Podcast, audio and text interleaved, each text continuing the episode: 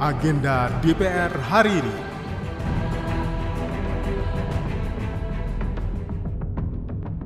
Ketua Komisi 10 DPR RI, Syaiful Huda, aktif melakukan kunjungan kerja ke dapilnya di daerah Jawa Barat 7 untuk menyerap aspirasi dari masyarakat.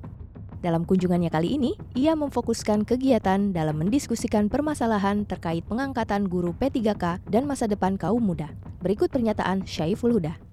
Ya sejak awal sudah kita cicil, termasuk kemarin aja saya baru pulang dari dapil.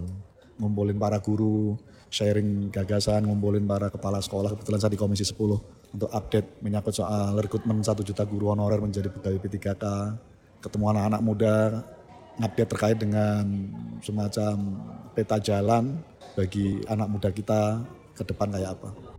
Anggota fraksi Partai Kebangkitan Bangsa ini juga aktif berdiskusi bersama masyarakat untuk mengetahui berbagai permasalahan yang terjadi di dapil dan mencari solusi permasalahan tersebut. Kembali Syaiful Huda. Ya, menyapa masyarakat, ngobrol, diskusi, minta masukan. Terlebih-lebih ini sudah mau pilek pemilu legislatif. Jadi saya lebih banyak mendengar berbagai permasalahan yang dihadapi di bawah, mulai soal harga pangan yang naik, soal belum tuntasnya rekrutmen satu juta guru honorer, bonus demografi anak-anak muda yang di dapil saya masih banyak yang pengangguran, dan seterusnya dan seterusnya itu. Ya tentu saya dengar dan saya terus mencari langkah-langkah untuk membantu dan mencari solusinya seperti apa.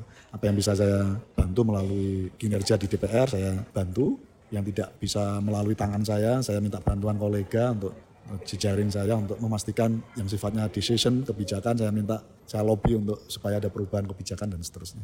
Untuk menyelesaikan berbagai persoalan di Dapil, Syaiful Huda melakukan kolaborasi dengan semua mitra Komisi 10 agar dapat menghasilkan kebijakan yang dapat membantu meringankan beban masyarakat.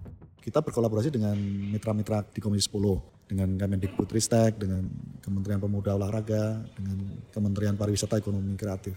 Kita kolaborasi.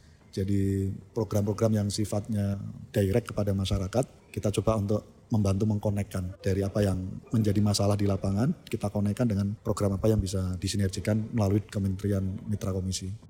DPR memasuki masa reses pada masa persidangan 2 tahun sidang 2023-2024. Masa reses akan berlangsung sampai dengan tanggal 15 Januari 2024 yang akan datang.